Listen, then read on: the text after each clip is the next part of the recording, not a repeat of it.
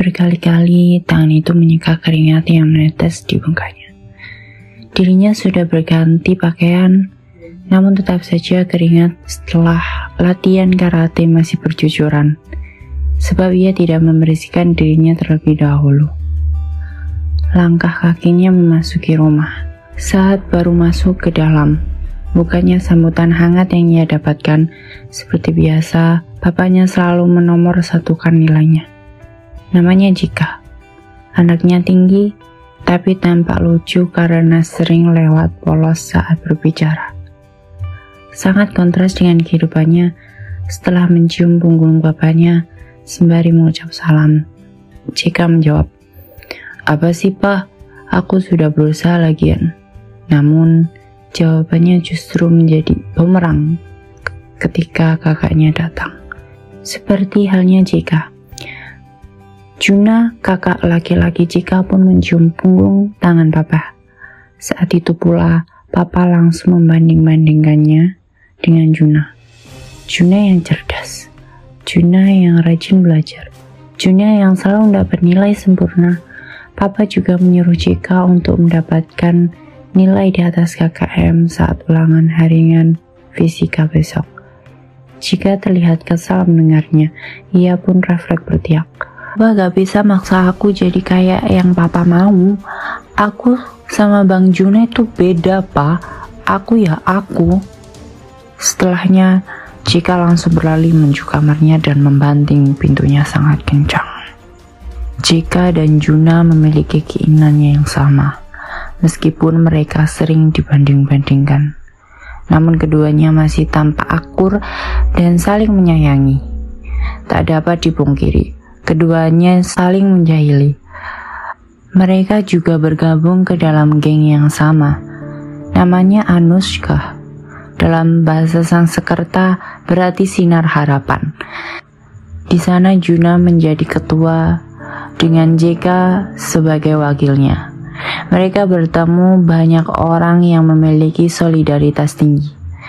Bahkan mereka mempunyai 10 sahabat akrab yang juga bergabung di sana.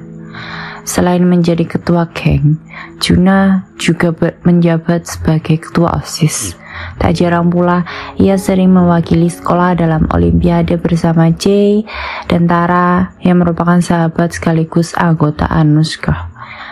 Malam ini keduanya tengah menghabiskan waktu di markas Anuska. Juna dan JK terlihat memisah diri.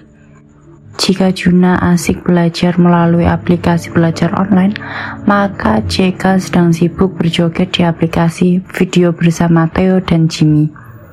Tanpa menyadari waktu yang terus bergulir, dua saudara tersebut melupakan jam pulang yang sudah ditetapkan ayahnya. Tepat pukul tengah malam keduanya baru pulang. Mereka mengendap-endap masuk rumah. Pikir mereka papanya sudah tidur. Melihat lampu ruang tamu yang sudah dimatikan. Ternyata pikiran mereka itu salah. Papa sudah menunggu keduanya di sofa. Beliau bertanya kenapa baru pulang. Yang hanya dijawab kata maaf oleh Juna. Mendengar itu, Papa menatap nyalang Juna. Ia menyinggung jabatan ketua geng yang Juna punya. Tentu saja, sebagai seorang adik, jika merasa tidak terima. Ia berkata, Bang Juna di sana belajar kok, Pak. Sontak. Papa menatap tajam JK. Beliau lalu bertanya pada JK, sudah belajar? Yang dijawab geleng serta jaringan. Papa menghela nafas kasar. Karenanya beliau mengancam JK apabila cowok itu tidak mendapatkan nilai di atas KKM dari ulangan harian fisika, maka samsaknya akan papa sita. Dua hari semenjak ancaman dari papa, jika berdebar-debar menunggu hasil ulangan fisikanya. Biasanya ia merasa biasa saja mendapatkan nilai di bawah KKM. Namun, kali ini berbeda, sebab samsaknya adalah belahan jiwanya. Apalagi mengingat benda itu adalah benda peninggalan almarhumah pap mamanya.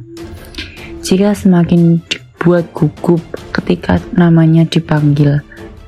Hanya cengiran yang ia tunjukkan ketika ibu mata pelajaran fisika mengucapkan kalimat agar JK lebih rajin belajar. Seperti sudah menebak hasilnya. Jika berjalan lesu saat kembali ke bangkunya. Badannya langsung lemas saat tahu berapa nilai yang ia dapat. Angka 58 berwarna merah di pojok kertas bagaikan angka kematian untuknya. Ancaman papanya bukanlah hal yang main-main. Beliau benar-benar menyita samsak jika. Sebab saat dia pulang ke rumah, samsak merah yang biasa ia gantung di pojok kamarnya menghilang. Siapa lagi pelakunya jika bukan papanya? Hari berikutnya, jika sudah sedikit mengikhlaskan samsak merah yang disita. Ia berangkat sekolah bersama Juna. Seperti biasa, JK, Juna, dan beberapa sahabatnya nongkrong di depan kelas. Dari arah koridor, Obin dan Kai yang juga sahabat mereka berlalian menghampiri mereka menyampaikan kabar buruk. Telah terjadi pengeroyokan yang mengakibatkan patah tulang serta luka di kepala pada Tara. Pelakunya yang tak lain ialah Alexis, geng yang selalu mencari masalah dengan Anuska. Mereka langsung menggeram, marah mendengarnya. Beberapa pasang kepala itu menatap Juna dengan maksud tersirat. Dari tatapan mereka seolah berkata bahwa mereka ingin membalas perbuatan terhadap Tara. Juna mengangguk tanpa ragu. Ia bahkan meminta anggota lain untuk turut serta atas komando dari Juna. Mereka semua berkumpul dan siap melawan Alexis Juna melawan ketua Alexis, namanya Erik. Sedangkan JK melawan Evan, keduanya tampak membabi buta. Terlebih JK, sebab di antara mereka semua, JK ialah orang yang mudah tersulut emosi. Tak segan-segan, ia juga menendang perut Evan sampai cowok itu memuntahkan darah. Setelahnya ia berbisik, I'm not bad, but I'm not good either. Senyuman tercetak jelas di muka anggota Anuska. Mereka kembali ke markas setelah menang melawan Alexis.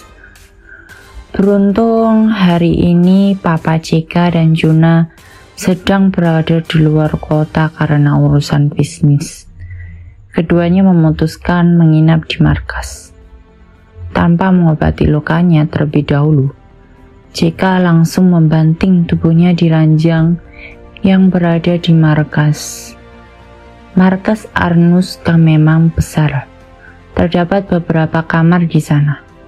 Mungkin karena efek kelelahan, JK tertidur nyenyak semalam. Sebab ia bangun di pagi hari, ia tampak lebih fresh ia beranjak untuk menunaikan salat subuh. Meskipun terlihat berandalan, nyatanya jika tidak pernah melupakan kewajibannya sebagai umat muslim. Dasarnya, jika itu anak yang jahil. Selepas sholat subuh, ia iseng membangunkan teman-temannya dengan cara mengesalkan ia berteriak, Bangun woi, bangun. Gak ada kebakaran. Karena ucapnya tersebut, anggota Anuska berlalian pontang-panting karena panik. Jika justru tertawa terpinggal-pinggal, ia meledek mereka.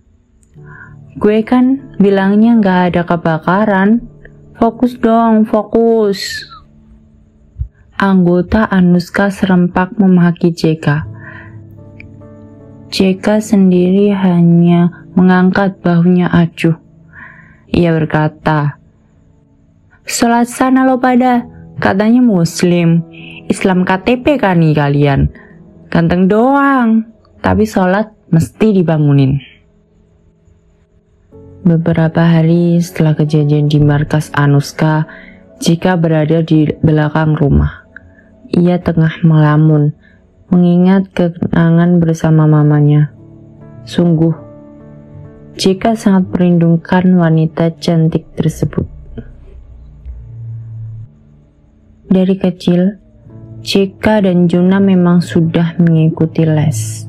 Akan tetapi, kedua orang tuanya tidak pernah menuntut mendapatkan nilai yang bagus. Sejak mamanya meninggal, barulah papanya mulai berubah.